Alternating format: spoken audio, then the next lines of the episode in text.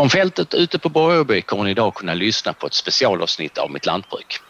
Det här samtalet skulle hållits på årets mässa. Istället filmades det och går att se på Borgeby fältdagars hemsida eller på Länsstyrelsen Skånes hemsida. Men vill du hellre lyssna på samtalet, sitt lugnt kvar så börjar det alldeles strax. Jag som modererar samtalet heter Peter Brick Jensen och jag är lantbruksspecialist på Länsläkaren Skåne. Hej och välkomna till det här panelsamtalet som Länsförsäkringar Skåne håller på Borgeby i år. Även i år är det ett annorlunda Borgeby. Eh, eh, Borgeby fältdagar är lite grann som julafton för mig. Eh, julafton, eh, nyår, midsommar och Borgeby. Det är sådana saker man ser fram emot. Men nu sitter vi här på ett övergivet Borgeby men till nästa år så räknar vi helt lugnt med att eh, vi är på plats med full bemanning och massvis med besökare. Eh, med mig idag har jag eh, lite gäster eh, och vi ska prata om eh, hur så maximerar du värdet på din skörd. Eh, och det eh, är ju ett stort ämne men vi kan välja ut några vissa bitar. det är Per Gerhardsson, eh, spannmålsinköpare på Lantmännen. Välkommen! Tackar. Camilla Persson och du är odlingsrådgivare. Jajamän. Även det på Lantmännen. Ja. Joakim Söder på Länsförsäkringar Skåne Service och Sanering och Mattias Olsson som är skadeförebyggare på Länsförsäkringar Skåne. Välkomna ihop all, hit allihopa. Tack, tack. Alltså, jag börjar med dig Per. Ehm, du representerar ju inköparna och konsumentledet. Alltså, vad är avgörande för era inköp? Vad är det som styr dig? Ja men visst, vi är ju Lantmännen är ju marknaden varje dag och har ett pris ute i marknaden och eh, ställer alltid ett pris som lantbrukare kan sälja till. Så vår inköp styrs egentligen när är lantbrukarna intresserade av att sälja mm. sin gröda och det gör de ju beroende på den försäljningsstrategin de har och hur marknaden rör sig och sin marknadsuppfattning. Naturligtvis kopplat till hur de bedömer avkastning på sin gröda. Kommer tillbaka faktiskt till det lite senare här. Alltså, Finns det faktorer och trender som har eh, ändrat ändrats de sista åren? Ja, man kan säga så att vi upplever ju absolut att lantbrukarna har en mer aktiv försäljningsstrategi idag än vad de hade för eh, år tillbaka. Liksom. Att man är mer aktiv, man tar mer beslut i hur man vill sälja sin gröda eh, snarare än att eh, leverera på så att säga, lagringsavtal eller redan bara spontanavtal i skörd. Utan man ser mer aktivt och säljer sin gröda mer spritt över året. Egentligen en helt annan riskhantering idag jämfört med tidigare år. Som förmodligen beror på både pengaflöde i företaget och eh, hur mycket de vill riskera som du säger då. Ja precis och eh, just att man ser risk. Alltså att sälja allting vid ett tillfälle är också en risk va, i sig. Mm. Utan kan man sprida det flera tillfällen så har man ju en, en annan riskhantering. Ja just det. Um, om du blickar eh, framåt, ser du nya trender eller regelverk eller sånt som kan ändra prisbilden kanske är svårt men kvalitetskrav till exempel? Men kvalitetskraven tror jag också är, eh, vi har ju liksom så att säga de geografiska förutsättningarna eh, som finns och det finns ju liksom en, standard i marknaden, exporten som sätter standard. Sen tror jag att vi har en utveckling där vi ser att eh, det blir, blir en väldigt starkare efterfrågan på det här med svenskt producerat. Mm. Det finns vissa specialkvaliteter som man importerar idag som man vill producera mer och mer av inom eh, det egna landet. Vi kan till exempel ta durumvete eh, som är en sån gröda som man historiskt sett har importerat mycket av till Sverige eh, för att göra pasta utav medan vi nu liksom de senaste åren har försökt bygga upp en egen produktion av durumvete i, i landet. Durumvete, om vi tar det som en sidosak där. Jag fick lära mig en gång i tiden, vi odlade på ben och ingen annanstans. Mm. Men vi odlar på fler ställen idag och kan göra det med framgång. Ja, absolut, jag skulle säga att största odlingen idag är framförallt på Gotland. Så ja. ja. Som är väldigt stora på durumvete. Mm. Ja, det är nö det också, men det kan inte ihop att det är nö. Ehm, om vi lämnar lite grann hur inköpet ser på då förflyttar oss till själva lantbruket och sådden. Camilla, du som odlingsrådgivare, alltså, vad, de olika momenten som under odlingssäsongen, vad skulle du säga är det mest kritiska för eh, att nå ett så bra resultat som möjligt? Förutom då eh, regnet som vi inte kan styra över. Nej precis, det är ju klart vädret men du var ju inne på det här med sådden. Och jag skulle säga att etableringen det är en av de absolut viktigaste faktorerna att få rätt på etableringen. Alltså välja rätt utsädesmängd och kanske också ta hjälp av den nya teknik som finns där med varierad utsädesmängd och så i rätt tid. Det har också ganska stor betydelse för vilket ogrästryck vi får och vilket sjukdomstryck vi får. Vi har ju trots allt eh, haft ganska så, så tufft på en del del skifte här nu i vår som till viss del då kan härledas till eh, tiden som vi sådde här. Alltså så det då eh, tidigt i år, det blev kallt efteråt eh, eller? Ja, men man kan väl säga att vi, det var ju bra förutsättningar och så. Mm. Det var ju kanonförutsättningar. Så många valde att så ganska så tidigt. Och där finns ju nu problem med, med rödsuttvirus till exempel.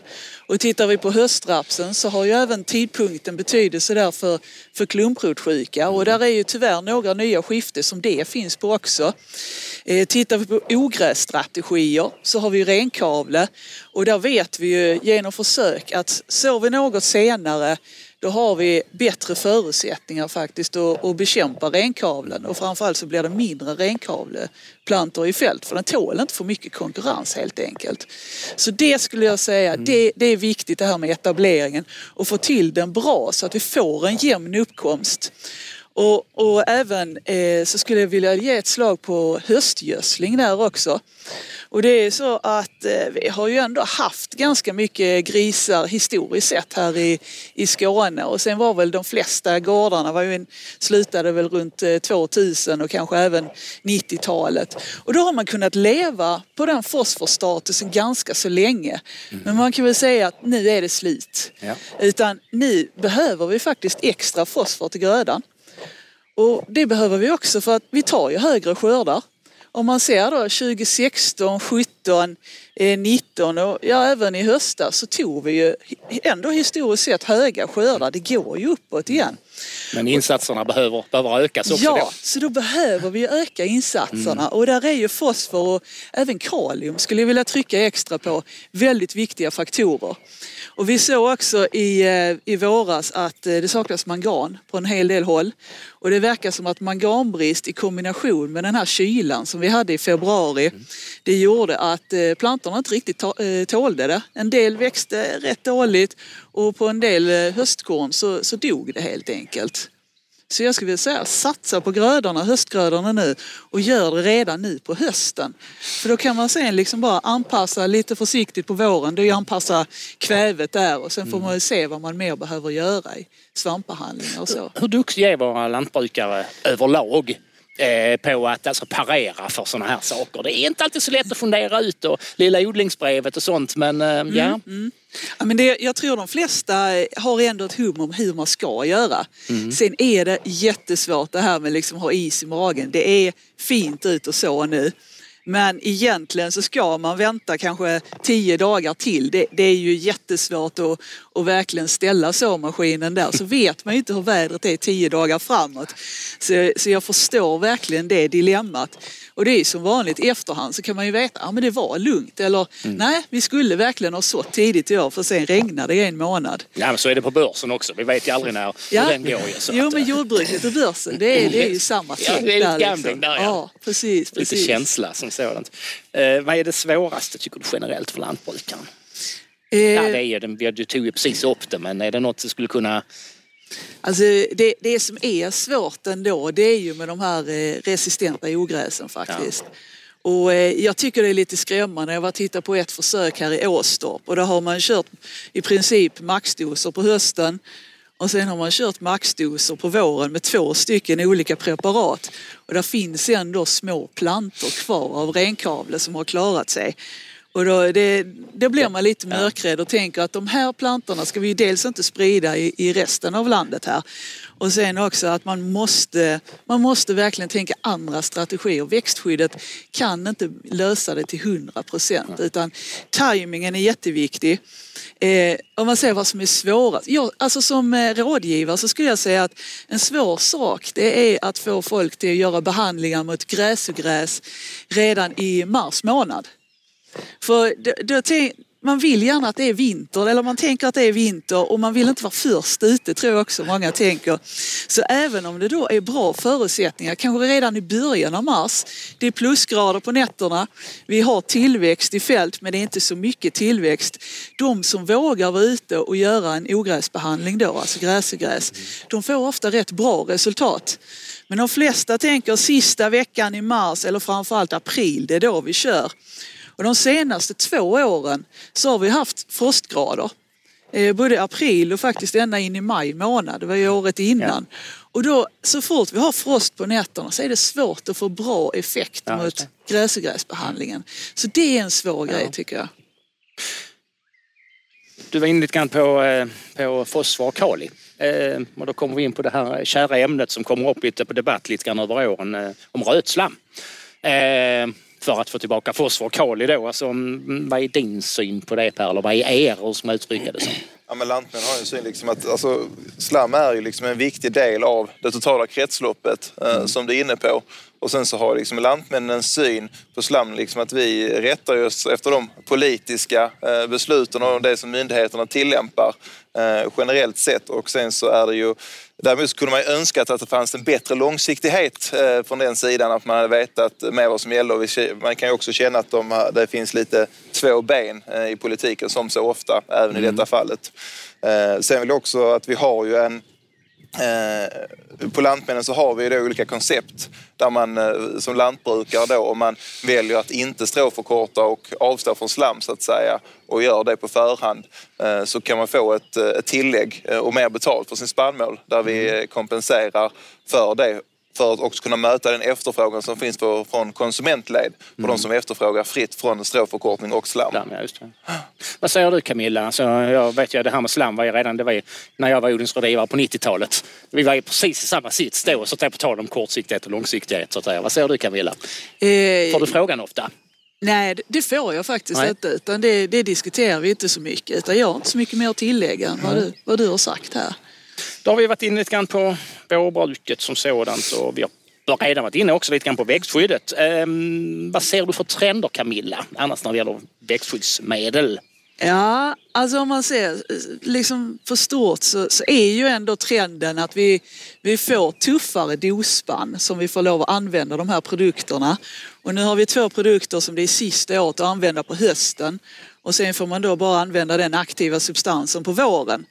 Och det, det blir lite fler regler. Vi har ju Prosulfocarbon till exempel som vi från och med i fjol då så får vi bara lov att behandla mellan sex på kvällen och Ja, nu har jag glömt när det slutar här Nej, på men någon morgonen. gång på natten. Men det är någon gång på natten, precis. Ehm, och, och det gör ju att det finns ju mycket mer som man måste ta hänsyn till. Och man måste ha koll på det här regelsystemet. Och, det, och, och tajmingen blir också mycket, mycket mer viktig. Så om man tar Prosulfocarb som ett exempel, just det här med höstbehandling, så säger jag att det är viktigt att behandla kanske direkt efter sådd om det finns fukt. Så att det, det, det går liksom inte bara att komma ut och köra utan det är jätteviktigt att du får rätt tidpunkt. Så, så trenden där det är att det blir, blir tuffare och tuffare, i alla fall när det gäller eh, ogräsprodukterna. När vi sen kommer till svampprodukterna istället så har vi ju fått för ett par år sedan de här nya aktiva substanserna och de presterar ju fortfarande väldigt bra. Så det kommer ju lite nya produkter som vi, så vi har en bra produktportfölj där. Och i år när vi har så fin raps och det är bra rapspriser så är det ju många som har valt att eh, svampbehandla rapsen kanske för första gången. Många kör ju varje år och nu är det, ja, jag skulle säga att nästan all raps är svampbehandlad i år. Och vi har ju haft det vädret också med en regnskur om dagen. Och det är till och med en del som har testat att svampbehandla rapsen två gånger för att verkligen få, få den riktiga effekten. här. Så jag skulle nog egentligen vilja säga att trenden är att, att verkligen fundera på vad behöver vi göra och, och sen liksom, man måste vara mycket mer på hugget och, och lyckas tajma in den här. Och ser man på insektssidan så har vi ju färre och färre produkter att jobba med. Och det gör ju att man, man kan inte som man kanske möjligtvis en del har gjort tidigare. Man lägger med insektsprodukt när man ändå kör. För då har man ingenting att köra med när man verkligen behöver det. Och, det är också, och jag tror också vi diskuterar mycket mer det här med eh, eh, vad heter det, nyttoinsekter. Alltså vi har alla de här djuren som käkar bladlöss och, och det är väldigt många lantbrukare som verkligen har fokus på att de ska, ska liksom bekämpa bladlössen här. Det är absolut sista åtgärden här att ta till en pyrotrid. Och rent, eh, rent av helt naturligt så går vi över på, på någonting på eh, det, eh, livsmedelsindustrin. Alltså, har de, Per, kommer det nya krav ifrån dem eller från utlandet eller någonting sånt? Nej, inte kopplat till den eh, frågan specifikt Nej. utan liksom det, där har man gjort ett väldigt eh, tydligt ställningstagande på de skillnaderna mellan konventionellt och ekologiskt och de som då efterfrågar så att säga, begränsningar i eh, växtskyddsanvändandet, det, då är det ekologiskt som är det de efterfrågar mm. egentligen. Mm. Om vi bara sticker hem till Mattias, skadeförebyggare på Länsförsäkringar. Eh, hur, hur gör vi för att skydda oss mot växtskyddsstölder? Som har varit, varit och är problem i perioder. Ja, det är ju, det är ju som alltid, har försökt låsa in grejerna. När man, eh, efterhand man använder det så lås dörren där man har det. Mm. Bygg ett ordentligt rum för att ha det i. Larm är aldrig fel och det är inte bara växtskyddsförrådet utan det är hela gården ju. Mm. Verkstad, ja, överallt. Framförallt sen med GPS och liknande har varit mycket stölder på. Så sätt in ett bra larm. Ha, eh, ta hem växtskyddsmedel. Bara precis det man behöver använda. Ta inte hem för hela säsongen utan ta hem efterhand. Så man håller nere mängderna som man har hemma. Ja, och jag läste ju nu precis i eh, fackpressen igår eh, att eh, det var lite problem att få fram vissa medel eller att det var lite, lite struligt med det och då är det ännu viktigare att inte bli av med det. Ja, precis. Ja. Eh, så. Ehm, vi går tillbaka, du var inne och viftade på, på det ekologiska. Hur, hur ser eh, efterfrågan på ekologiska, eh, ekologiska produkter ut i Sverige och bland uppköparna? Skiljer vi oss från Europa? Ja, men jag kan säga att egentligen den, hela den ekologiska marknaden har ju liksom inte samma tillväxt idag som den hade för ett, för ett par år sedan och att um, där är inte samma sug efter ekologiska produkter uh, idag. Och det stora där kommer ju egentligen, alltså det som har drivit de stora volymerna är ju animaliesektorn, mm. uh, alltså mjölken framför allt och även eh, nötköttet eh, och ägg. Men där, där finns inte den tillväxten i den ekologiska marknaden idag. Det ser vi både i Sverige och vi ser det även runt om i våra grannländer att det, där är inte samma svung i den marknaden längre. Nej. Och det ser man ju också på, på priserna. Spannmålspriserna på ekologiska produkter har ju sjunkit betydligt. Alltså den premien man får för ekologiskt kontra konventionellt har ju blivit mindre till en följd av det också. Jag tror att vi kommer att se en omläggning framförallt i länder som är väldigt sena att hoppa på eh, ekotrenden så att säga. De som kom på sist i länder som eh, både i Ukraina och Baltikum och kanske framförallt Ukraina som ställde om och producerade ganska stora mängder foderspannmål i ekologiskt för att de mm. kunde få ut ett, ett mervärde utav det. Eh, vi tror att den eh, omställningen kommer att minska, de kommer att gå tillbaka till konventionellt nu när premien har sjunkit, vilket vi mm. tror är en nödvändighet för att få upp den generella prisnivån på ekologiskt igen. Ja, just det. Begränsad lite grann som sådant. Så att, um, 2018 var torrår. Uh, vi var inne lite grann på det för, precis i början. Alltså, blev det något uh, trendbrott när det gäller uh, prissäkring, kontraktskrivning då? Jag skulle säga att trendbrott, eh, vi upplever fortfarande att lantbrukarna är väldigt eh, aktiva. Jag tror att 2018 blev en ögonöppnare för många att verkligen sätta sig in och förstå kontrakten eh, mm. som man skriver och vad de innebär på en betydligt djupare del än vad man gjorde tidigare. Så jag skulle säga att det, om det var någonting positivt av 2018 så var det väl det, liksom, att man har verkligen förstått kontrakten och man har de också som en del eh, då och förstår eh, sin risk i de hela och har därför, skulle jag säga, också slipat upp sin försäljningsstrategi med den kunskapen som man fick därifrån. Ja. Och, eh, och lägger en plan då som du sa precis i början för mm. sitt företag. Hur, hur vill jag sälja och hur mycket ska jag säkra undan? Precis, ja. precis. Ja. Um, IT Camilla, det får ju allt större del inom lantbruket, större roll. Alltså um, hur, hur maximerar man nyttan av eh, IT eh, som lantbrukare utan att det ska bli en börda. Jag kan ju få, få ångestattack om jag ska byta mobiltelefon. Alltså, äh, för det är så mycket jag ska sätta mig in i, jag ska ändra, jag ska koppla ihop och allt annat. Men hur, hur, hur maximerar man och du... Ja, alltså, IT är ju ett jättebegrepp egentligen. Ja. För där får du ju med allting. Det kan vara till och med från GPS och det är växtodlingsprogram och det är EU-ansökan och precisionsodling. Eh, mitt generella råd när det gäller den här tekniken det är ju att sätta sig in i den i förväg. Mm. Så att man inte tänker den eh, dagen, kvällen innan när man ska ut och göra sin styrfil till fosfor till exempel. Mm. Eller man ska gödsla dagen efter att nu ska jag räkna ut hur man gör en styrfil här och så får man inte riktigt ordning på det och så tänker det här är bara en belastning. Men om man istället tar eh, Ja, men man kan säga att februari är ju en bra månad till exempel. Mm. Då brukar det inte hända så mycket ute i fält.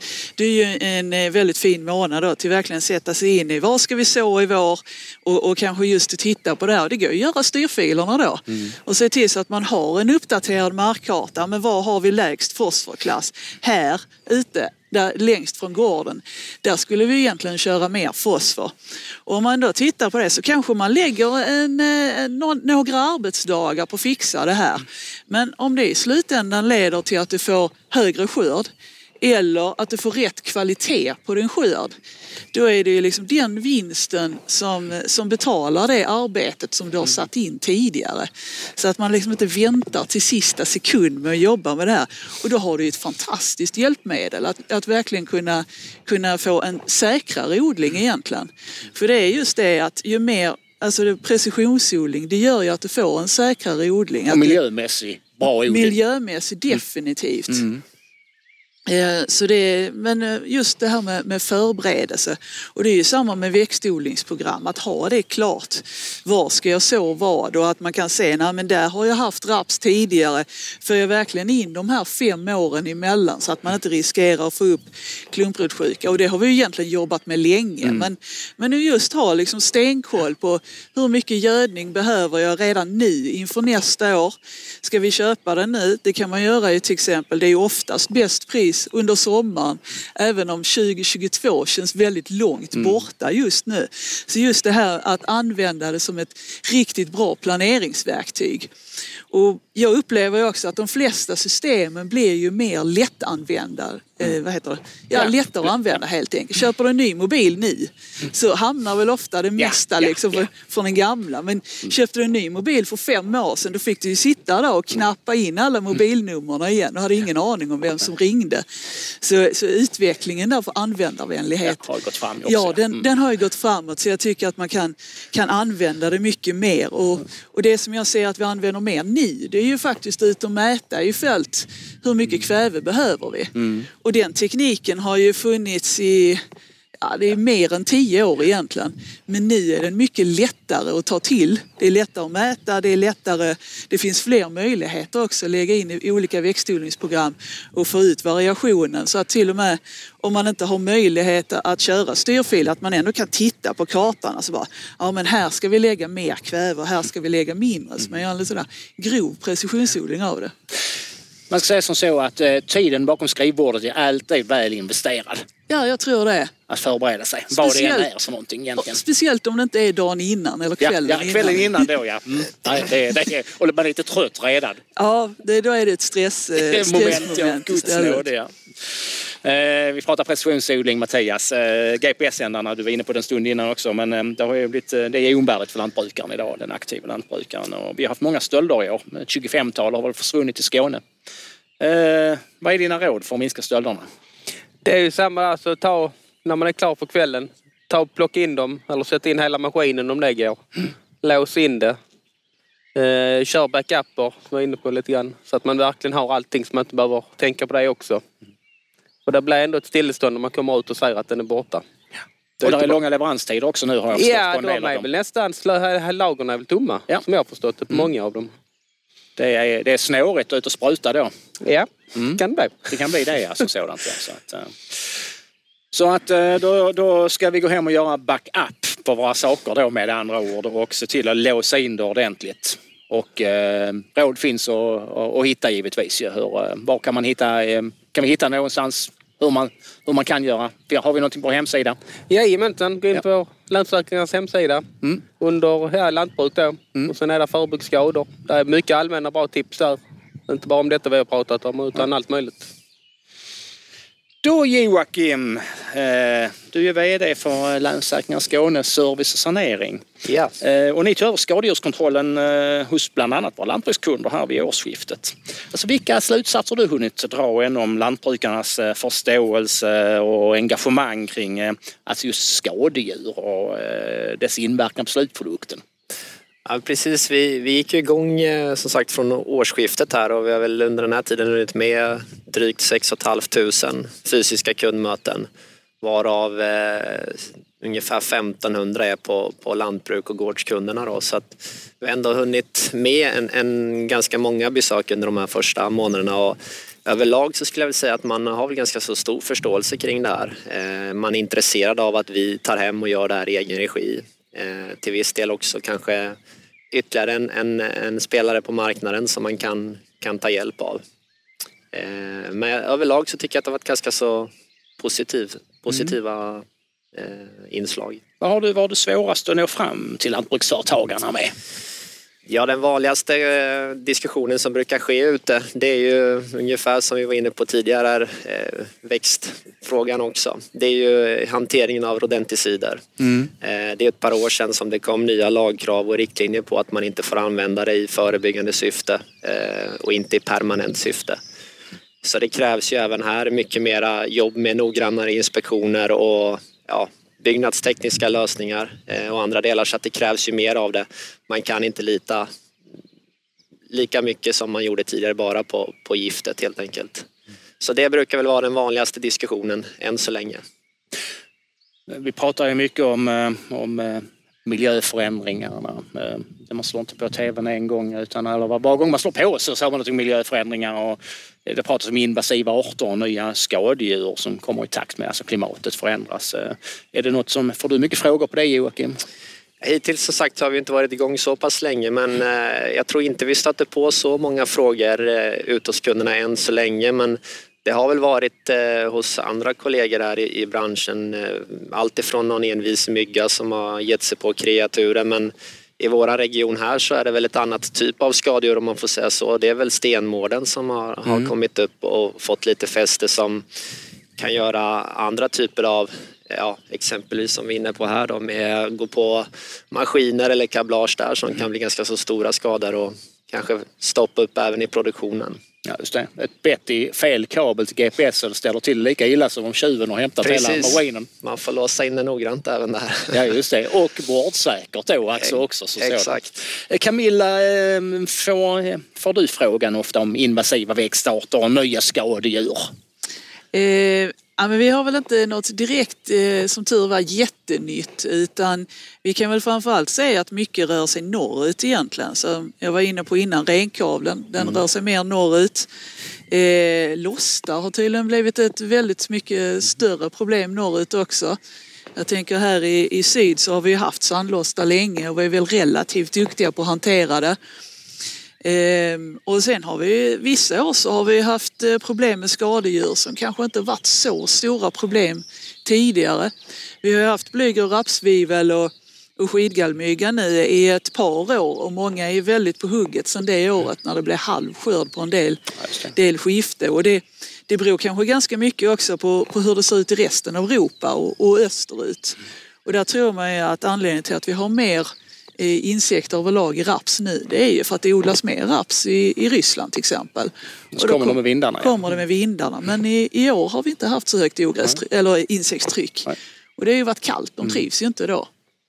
Kommer ihåg när eh, Gammaflyg kom med vindarna från Afrika över Norge och landade i grönsaksfält på 90-talet. Vilken panik det blev i grönsaksfabriken. Mm. Eh, som man var tvungen att hantera på ett helt nytt sätt. De här gammaflyglarverna när de gick igenom förvällningen och sträckte ut sig och blev likbleka. Det var inte så vidare trevligt som sådant. Och, och det kan vi också säga att det är ju någonting som man nästan skriver om i växtodlingsbreven eh, varje år. Gammaflyg sockerbetor. Men det är, det är ju ingenting som vi egentligen har haft någon större problem med sen jag började som rådgivare. Utan den får vara med där lite som en, ifall det skulle komma någonting. Att man är, är liksom på, på hugget om det i alla fall. Men, ja. Hur, hur, hur, ja, nu är det kanske inte så stort problem, men hur, ska, alltså, hur hanterar man bäst nya typer av skadedjur? Vad säger du, vad säger du Joakim? Har du... Jag tror överlag så är det nog att hålla, hålla utkik. Mm. Eh, både på sin odling men framförallt i och runt byggnaderna på vad som kommer. Att man, man har ordning och reda även där och då ja. ser man om det uppkommer nya nya problem, nya arter. Som tekniken så finns det fantastiska små appar idag också som man kan till och bli identifierade rätt så hyfsat snabbt. Som sådant. Eh, eh, Mm, Kan det här påverka spannmålspriserna framöver, positivt eller negativt Per? Ja, men det ska man ju se väldigt stora angrepp eh, och eller väldigt eh, stora geografiska områden. Eh, Utan det jag, det jag tror liksom man sen individen, så att säga, eller odlaren, på, när det kommer till skadedjur är en aspekt som vi inte har lyft här tidigare. Det handlar ju mycket om förrådsskadedjuren. Eh, Alltså den inlagrade spannmålen som man har hemma på gård.